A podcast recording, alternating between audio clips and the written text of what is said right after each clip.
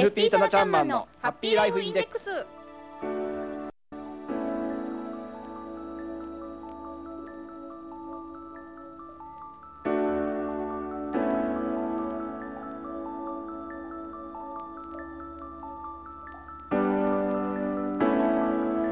FP タナちゃんマンライフインデックス。この時間はあなたの夢と未来をトータルサポートするライフサポート有限会社の提供でお送りします。私たちと一緒に明るい未来幸せな生活になるためのマネーライフを考えてみませんか？番組では皆さんからの疑問質問を受け付けています。宛先は浜園専用アドレスまで。hama アットマーク p-wave.ne.jp ハマアットマーク p-wave.ne.jp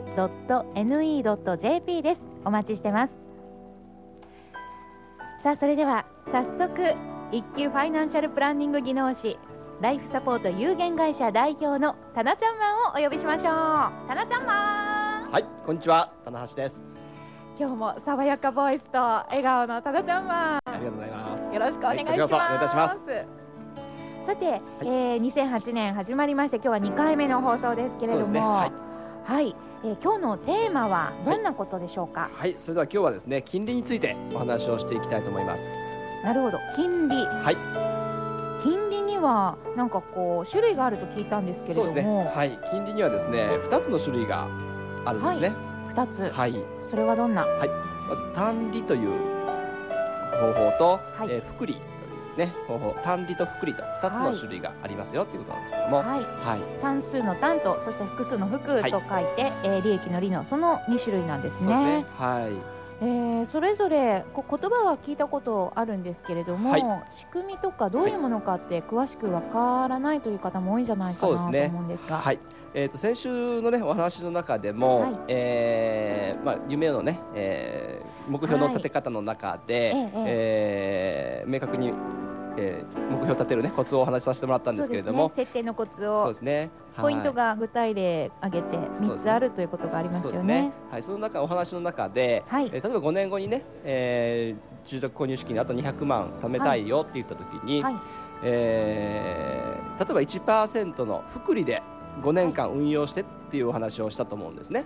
はい、出てきましたね。ね。でなので、えー今日この金利のお話をさせていただくんですけれども、はい、はい、で単利と複利この違いはですね単利というのは、はい、えーお金を預けた運用した元本元本にのみ金利がつく方式これを単利と言います。はい、はい、なるほど。うん、で複利というのはですね、はい。えー預け入れた、えー元本に、えー金利がつきますよね。はい、で、えー金利がついてその、えー当然1年目にははい、元本しかありませんので、はい。元本に対して金利がつくんですが2年目以降、はい、えーついた金利が元本に組み入れられてはい、元本と1年目についた利息の合計に対して2年目は利息がつく。ほうほう、なるほど。という形ですね、うんうん利息が利息を生むというふうに、えーお金が増えていく方式。これを複利と言います、俗に、えーまあ、雪だるま式というのははい。私はあのお話をさせてもらってるんですけれども、はい。えー雪だるまってねあの雪をこう手で丸めて雪をその上で転がしていくとどんどんどんどん大きく大きくなりますよね。でこういうイメージをしていただくと複利というのは分かりやすいのかなと思うんですけれども、うんそうですね。はい、例えばですね、はい。えー今手元に100万円あるとしますよね、はい。この100万円をですね、まあ、はい。ちょっと今では夢のような金利なんですけれども、はい、5%の金利でうん。30年間運用したとします、はい、まあ、100万円をお預け,、えー預け入れてね、はい。30年間ずっと貯めておいた、えーそうした場合、えー単利と複利とどれぐらい差が出るか。差が出るかどれぐらい差が出ると思いますか？今単純にすぐに計算できないんですけど、え、1年ででも5%ついたら、はいそれだけでも、はいえっ、と5万5万円円つきまですすねよね。はいでも単利だとそれが次の年も5万円プラス5万円で10万円。そうですね。はい。ですので単利ですとそうですね。ええ毎年毎年、えー、元本100万円に対して5%の金利ですので、毎年5%が貯まっていく増えていくんですね。でですので5万円かける30年間で145万円が利息、はい。で元利合計で245万円。うんうん。これが単利ですね。はい、はい。えー、それに控え福利の方なんですけれども、福利、えー、1年目はもちろん元本100万ですので、はい、100万に対して5万円の利息、はい、で2年目は1年目についた利息が元本に組み入れ105万円に対して5%の金利がつきます、ので2年目の利息は5万2500円、はい、で3年目はまたその5万2500円が105万にプラスされますので、えー、110万2500円ですか、に5%の金利がまたつきます、そうすると5万5225円っていう金利が3年目にはつきますよ、という形でですね、毎年毎年こうついていくリスクが増えていくんですね。そうですね。はい、そうなりますと、それが何十年となると、そうです。30年預けますんで、同じ100万円同じ30年間預けたい、全く金利同じでも、はい、福利で運用すると元利合計がですね、なんと411万6千円までなっちゃうんですよね。違いますね。全然違っちゃうんですね。はい、これだけ違うんですね。逆にですね、はい、30年後に、はい、えー、福利、えー、単利で運用した100万円をね、はい、単利で運用すると245万ですよね、はい、じゃあ30年後に245万するために、同じ5%で福利で運用すれば元本いくらでいいのか。逆算をしてみたんですけれども、うんうん、なるほど。そういうふうに考えて、最初の元本を決めるっていうのもいいんですね。いいですね、うん、はい。そうすると元本いくらぐらい必要だと思いますか？えちょっと計算苦手なんですけど えと実はですね元本56万6900円。え半分半分近くまで減らすことができるんですね。おそうですか。はい。なので56万約7000円ですね、はい、56万約7000円を、はい、30年5%運用すれば100万円を単利で30年間運用したのと全く同じ。になってしまう。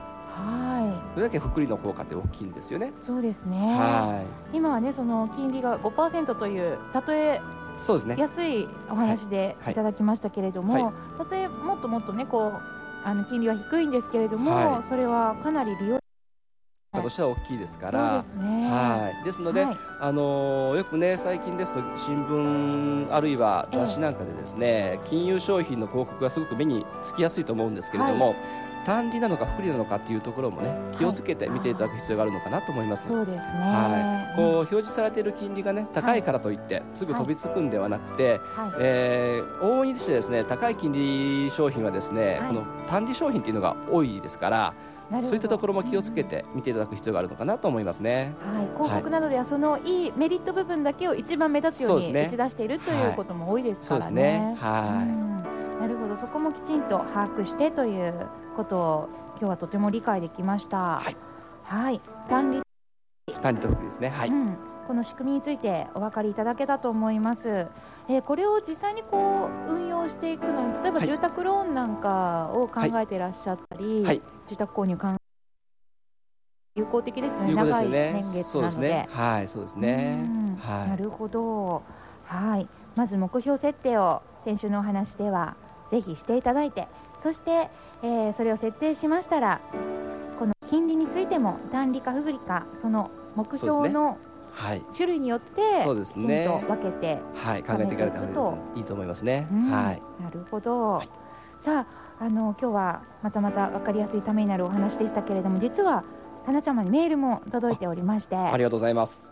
はい、はい、えー、女性の方からい。ただいております、はい、ラジオネームたまちゃんのママさん、はい、ハッピーライフインデックス当てということで、今年子供が小学校に入学することになりました。日に日に大きくなっていく娘を見てあ子育てしているなって実感しますと、はい、いつも番組を聞いて、えー、生命保険の見直しをしなきゃと思うようになったんですが何に気をつければよいでしょうか？気をつけるべきこといっぱいあると思いますがという。はい。そうですね。今年小学生に、ね、入学される子供さん、はい、実は私子供さんにいるんですけれども。はい、一番下の娘が、えー、えー、やはり同じように今年小学校に入学するんですけれどもね、はい、はい、あのすごく生命保険をね見直すチャンスとしてはすごくいいチャンスだと思います。はい、で、えー、やはりたくさんいろんなことでね、えー、気をつけなければいけないことはあると思いますので、はい、えー、詳しくはまた来週お話をしていきたいなと思います。そうですね。はい、詳しいお話は来週お楽しみにしてください。はいさあこの番組では、えー、あなたの疑問質問このように受け付けています。ぜひハマゾのアドレス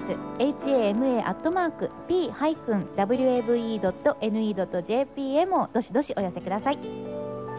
またライフサポート有限会社のホームページもご覧ください。えー、life-spt.co.jp スラッシュ life-spt.co.jp スラッシュ。タナちゃんまのブログなどもねすごく人柄が伝わってきて 楽しいのでぜひご覧くださいみんな今度の土曜日に開催ですね、はい、今度の土曜日19日に、はい、開催いたします今日のあの質問にもすごく役立ちそうな生命保険コースですね。生命保険コースですね。次はね。はい。はい。四日市市勤労者福祉センターに、えー、お集まりください。午後2時からスタートです。はい。FP タナちゃんマンのハッピーライフインデックス。この時間はあなたの夢と未来をトータルサポートするライフサポート有限会社の提供で浜園サテライトスタジオよりお送りしました。それではまた来週この時間お会いしましょう、はい、タナちゃんもありがとうございます、はい、ありがとうございました。失礼いたします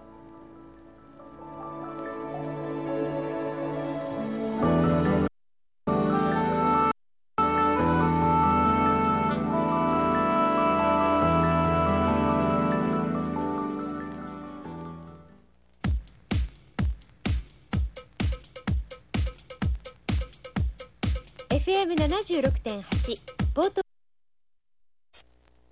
知って得することはたくさんあります。知らないと損することもたくさんあります。